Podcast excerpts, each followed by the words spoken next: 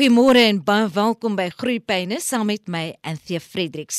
Altyd lekker om te kan gesels oor kwessies rondom voorskoolse kinders en onsself met inligting te bemagtig om ons kinders te kan help.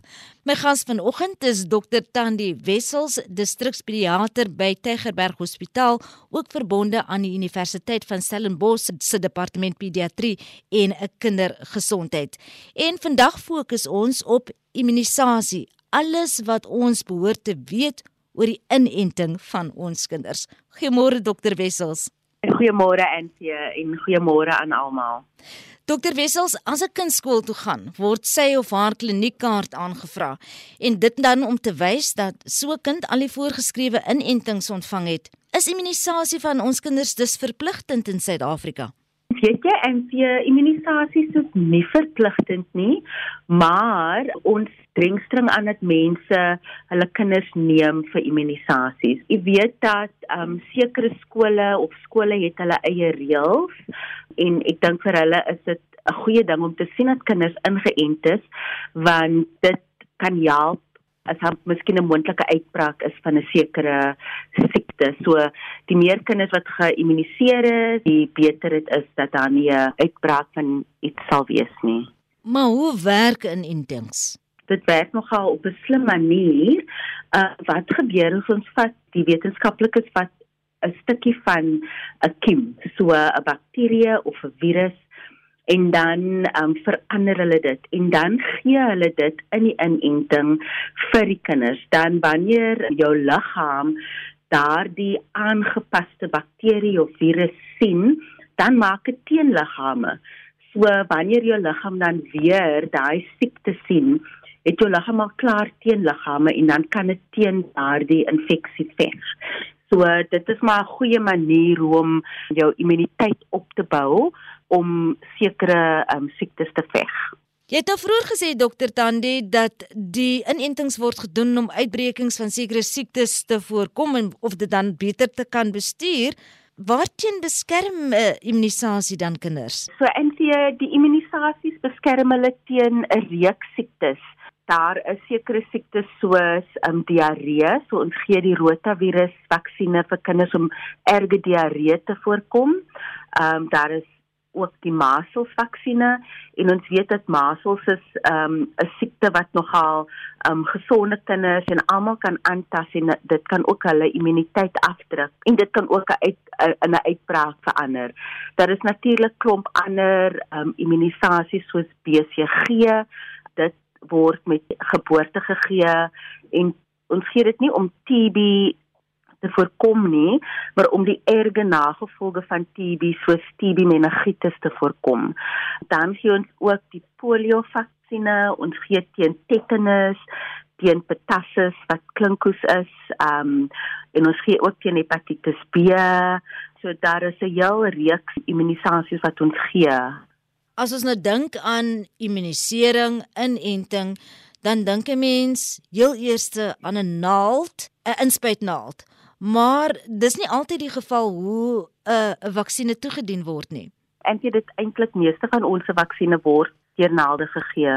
Daar is polio druppels en dit word net met geboorte gegee, maar daarna is dit 'n inspuiting. Ja. Word daardie eerste inenting of dan daardie polio druppels met geboorte direk na geboorte gegee, 'n paar dae later, soms weet ons as nuwe ouers nie eers dis gedoen nie. Gewoonlik kry kinders die BCG en die vaksine um, met geboorte, so dit is of sommer dieselfde dag, maar gewoonlik kry hulle dit voor hulle huis toe gaan. So as hulle net in die hospitaal bly of by die kliniek is vir 'n dag, dan kry hulle dit voor hulle huis toe gaan. En dit word aangeteken in die pad na gesondheidsboekie waar 'n mens al jou inentings kan sien. Nou gaan die nuwe mamma met die baba huis toe. Daardie eerste immunisasie het plaasgevind. Die volgende een sal dan by 'n plaaslike kliniek wees in jou gemeenskap. En waarvoor is dit? Dis nou die sogenaamde 5 in 1 wat jy op 6 weke kry. Ja, so ehm um, jy kan jou volgende immunisasie op 6 weke of by 'n uh, gemeenskapskliniek kry. Ehm um, daar is ook private klinieke soos Clicks en Diskem en so aan wat dit ook gee. Die 5 in 1 is teen dipteria, tetanus, pertussis, ook polio, ehm um, hemophilus en dan hepatitis B. So dit is nogal baie, maar wat goed is is dat dit net een inspuitingkie. Ons gee eintlik op 6 weke jou tweede dosering van die ehm um, polio druppels en dan gee ons ook 'n rotavirus vaksines en dit is die een wat ek vroeër ehm um, genoem het wat teen diarree is. Dan kry mens eintlik ook uh, 'n pneumokokkel vaksines op 6 weke. So dis jy kry eintlik 7 vaksines as 'n mens mooi tel. En onder dit wat u nou genoem het daar dokter uh, Wessels is die witseerkeel enetjie, die kinkoes een en dit klink vir ons na siektes wat ons aframmel, maar dit kan gevaarlike gevolge inhou vir jong kinders dit kan regtig baie groot gevare soos die witseerkeel. 'n Paar jaar terug het ons 'n klein uitbraak gehad in die Wes-Kaap en ehm um, dit het regtig erge uh, morbiditeit veroorsaak. Daar was ook sterftes in terme van die klinkoes, die baie klein babatjies. O, dit is dit is regtig lekker om hulle te sien as hulle klinkoes het nie. Dit kan ook lei tot 'n erge pneumonie, uh, maar die hoes is eintlik wat baie erg is en hulle kan self op hul asemhaal as hulle dit het.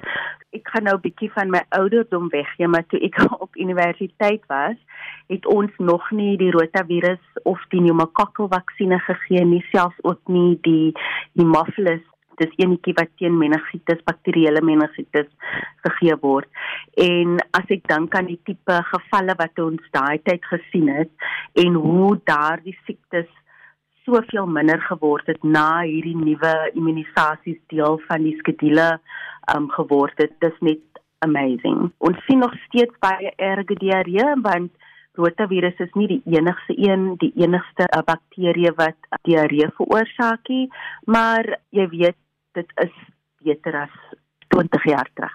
In so 'n geval dink 'n mens nou aan sosio-ekonomiese omstandighede wat ook 'n rol kan speel met die uitbreking van sekere van hierdie siektes wat hoogs aansteeklik is, maar ook omdat ons in 'n samelewing is waar beide ouers moet werk en die pot aan die kook moet hou. Dis beland kinders in bewaarskole en by dagsentra en so aan waar hulle ook mekaar kan aansteek. Ja, dit is regtig, dit is waar. En soos jy sê baie ouers werk en baie keer moet die kindertjies na 'n uh, 'n dagsorgmamma of 'n uh, sentrum toe gaan so vroeg as 1 maand oud. En wanneer hulle so vroeg gaan is die die risiko van infeksies net hoog want hulle is nog baie klein, hulle immuniteit is swak.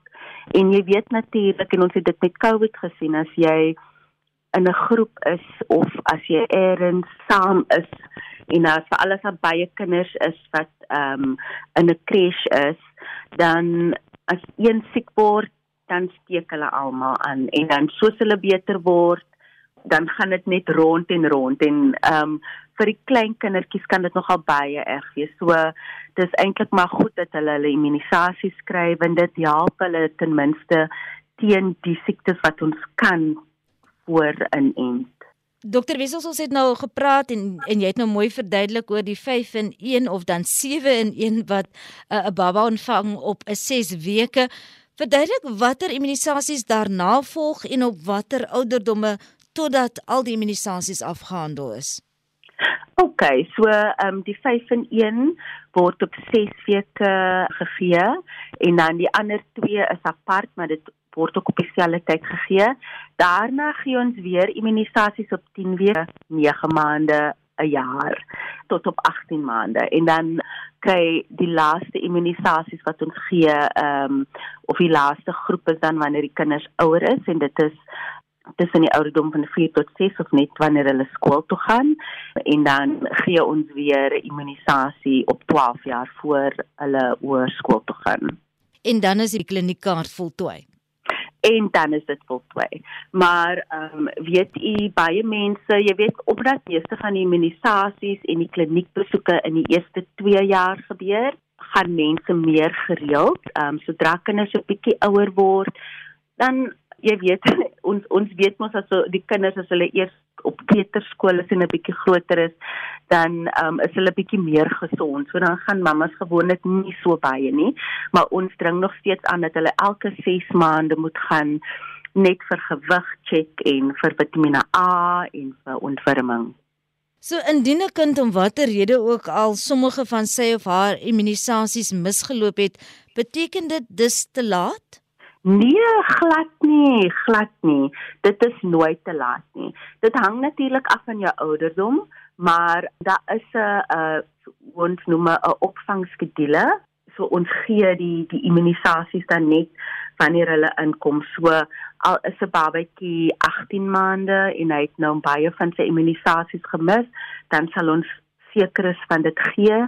So net dit hang af van die ouderdom. Onder 12 maande gee ons um, basies amper alles. As hulle 'n bietjie ouer is, dan word gee ons die al die immunisasies, want byvoorbeeld soos as hulle ouer as 6 maande is, dan sal ons juis weer rotavirus gee nie, want die die egste diarree dit voor is in die kinders onder 6 6 maande. Maar ja, ons kan dit opvang, definitief. Dokter Tandi, dit bring my by my volgende vraag. Is daar ander immunisasies wat in privaat praktyk toegedien kan word wat nou nie deel is van die skedule in die staatsomgewing nie? Ja, ehm um, daar is 'n paar immunisasies wat nie beskikbaar is in die staat nie. Een van dit is die hepatitis A vaksines en hepatitis A weet jy kan ehm um, geelsig veroorsaak en is baie infektief. Ja, ek weet nie of dit die regte woord is nie, maar dit versprei baie maklik. Um, jy kan dit kry van kos en dit kan ook vir diarree gee. Ehm um, so dit is een vaksinne, dit word op 'n jaar gegee. Daar is nog 'n een, dit is 'n MMR, is measles, mumps en rubella, so dis measles, pumpkinkies en Duitse measles wat saam gegee word. In die staat gee ons measles net alleenlik. Maar ja, dit is nogal 'n goeie een om te kry as jy in privaat is want ons weet dan al daai ander die ander twee siektes um, pampoentjies en Duitse masels ook nogal sekere neeweffekte kan hê later in die lewe. Ons gaan nou nou praat oor daardie neeweffekte waarvan jy nou praat dokter Wessels in die staatsopset by staatsklinieke en hospitale vat 'n ma eenvoudig 'n baba na enige kliniek toe en hulle sal daar 'n inspuiting kan kry of 'n inenting kan kry is dit heeltemal gratis Dit is heeltemal gratis. Daar is sekere um privaat plekke wat dit ook gratis aanbied en die staat voorsien die entstowwe aan sekere privaat klinieke. Um so dan kan mens net betaal vir die besoek, maar jy betaal dan nie vir die inentings nie. Maar dis reg, dit is heeltemal gratis. Nou daar is Heelwat ouers, ek dink die beweging het aansienlik gevorder en gegroei die afgelope jare oor mense wat nie genee is met die gedagte om hulle kinders te laat inent nie en dis elkeen se reg om te besluit wat die beste is vir hulle kinders. Is daar neeweffekte, enige neeweffekte verbonde aan sommige van die enstowwe wat ons ons jong kinders gee om hulle te beskerm teen groter siektes? En weet jy NP alle medikasie of enigiets wat ons iemand gee kan 'n neeweffek hê. Die mees gewildste neeweffek of die een wat ons die meeste sien is koors. Um, en dit gebeur gewoonlik 'n dag of so na die inenting. Ander neeweffekte kan wees ligte tekens van die siekte, so miskien 'n ligte verkoue of miskien 'n ligte diarree, maar dit wys ons net dat die liggaam eintlik besig is om daardie inenting te bewerk en dat dit besig is om teenliggame te bou daarteen. Daar is ander ehm um, neeweffekte maar baie min. Meeste van dit wat ons ook sien is miskien 'n klein bietjie pyn by die inspuitingsplekkie, ehm um, met BCG met geboorte kan 'n miskien of daardie armpie kan 'n miskien 'n soos 'n tipe pysie voorkom en dit sien ons nogal baie en 'n kliertjie onder die arm, maar dit gaan weer van self weg. Wanneer moet 'n mens begin bekommerd raak? Ag, 'n mens raak maar net bekommerd as 'n kind nie beter voel nie of as dit erger raak. Baie keer wat ons sien is dat mense dink dit is 'n neeweffek van die vaksines, uh, maar dan is daar iets anders wat besig is om te broei. So altyd as 'n kind nie gesond raak nie, as hy koors kry of hy's knouerig en baie huilerig en hy raak net te beter nie, dan is dit altyd beter om in te gaan en weer iemand te sien, 'n suster of 'n dokter, want dan kan hulle kyk of daar iets anders is wat aangaan. En dan net die ander ding wat ek ook wou wou gesê het en ek weet dit is dit is nogal baie gewild onder die anti-vaxxers. In die 90er jare ehm um, was daar 'n dokter wat 'n studie gepubliseer het wat talle keer daarna wat gewys het dat dit nie die waarheid is nie wat die maselsvaksine aan outisme gekoppel het. Jy weet ons het nou baie baie ander studies wat wys dat die maselsvaksine nie gekoppel is aan outisme nie en ons dink een van die redes hoekom die dok daai dokter dit gedink het is dis wanneer mense bietjie ouer word of so teen 1 jaar dit is wanneer jy eintlik maar die simptome van outisme begin sien en hulle dit hy dit verkeerd gekoppel aan die vaksines. Ehm um, so ja, dit is net iets wat ek wou gesê het want daar is nog steeds baie mense wat dit glo en ons weet dat dit eintlik nie gekoppel is aan outisme nie. Vind julle in die staatssektor dat daar wel mammas is en paas is wat eenvoudig sê nee, ons gaan dit nie doen nie? Ja, ons vind mense hier en daar. Die um, meeste mense sal dit doen, maar gewoonlik sal ons hulle ook dan um, mooi verduidelik hoekom hulle die immunisasies op die inentings moet kry. En meeste van die tyd sal mense toestem om dit te gee, om dit te gee. Maar uh, jy weet ouers het ook hulle keuses. Um, niemand word geforseer nie. Die die een ding is dat die COVID-19 inperkingstyd het nou um, daartoe gelei dat baie mense nie vir hulle inentings gaan nie. Ons sien dat mense bietjie bang is vir inentings en dit is ook omdat daar so baie negatiewe nuus oor die COVID inentings was. So dit is 'n bietjie van 'n probleem, maar as ek kyk na ons getalle vir kinders en ons kyk na hoeveel kinders eintlik ingeënt word, is dit nog steeds baie goed. Ehm um, vir sekere siektes is dit nasionaal is af in sekere ehm um, distrikte is die, die getalle bietjie laer as wat dit moet wees maar ek dink almal is nou besig om uh te probeer dat om mense be, bewus te maak van die feit dat babas en kinders hulle inentings moet kry. Dokter Wessels het vroeër gepraat van um sommige inentings of vaksines wat opgevolg word met 'n volgende een 'n paar weke later. Hoekom is dit nodig om 'n versterking te gee? Dit is maar net te doen met jou met die immuniteitstelsel. So elke keer as jou liggaam die ehm um, soos ek vir vroeër verduidelik het as dit nou die aangepaste bakterie of virus sien dan maak dit immuniteit nê. Nee. so as jy dit die tweede keer gee dan maak hy meer immuniteit. So as ek dit nou meer simplisties kan verduidelik sê nou jy kry jou eerste inenting. Nou sien jy nee ek maak 10 soldate teen hierdie siekte Nou kom ons weer terug 'n maand later, nou sien hy hom weer en dink hy nee nee nee. Hierdie siekte wil nie weggaan nie. Dan maak hy 20 meer soldate en dit gaan so voort en so voort. So dit is nie vir al die siektes wat ons dit moet doen nie, maar verseker is gee ons omtrent 3 of 4 um boosters. As ons nou kyk na die Wes-Kaap, dan sit ons veral in die Wes-Kaap met 'n probleem rondom tuberkulose onder volwassenes veral. En dan het ek vroeër gepraat oor sosio-ekonomiese toestande. Mense woon in plakkershutte, mense woon baie na aan mekaar en die kanse is dan groot dat mense op so 'n manier eh, tuberkulose kan versprei. En dis hoekom ek nou juist die vraag vra, is dit net in Suid-Afrika wat die tuberkulose inspuiting of vaksines so belangrik is vir ons kleintjies? Dis nie net in Suid-Afrika nie. In die eerste wêreld lande soos die VSA en Europa is dit nie so groot probleem nie, maar in die ontwikkelende lande um en in Afrika is TB nog tuberkulose nog steeds 'n baie groot siekte wat baie lyding veroorsaak en wat ook sterftes kan veroorsaak.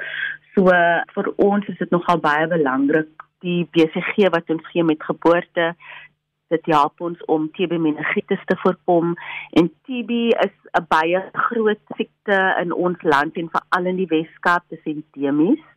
Um en meeste van ons is al op 'n baie jong ouderdom geïnfekteer met die TB kiem. So um die rede hoekom ons die BCG gee is eintlik nie om TB so te sê te voorkom nie, maar dit help om TB meningitis te voorkom.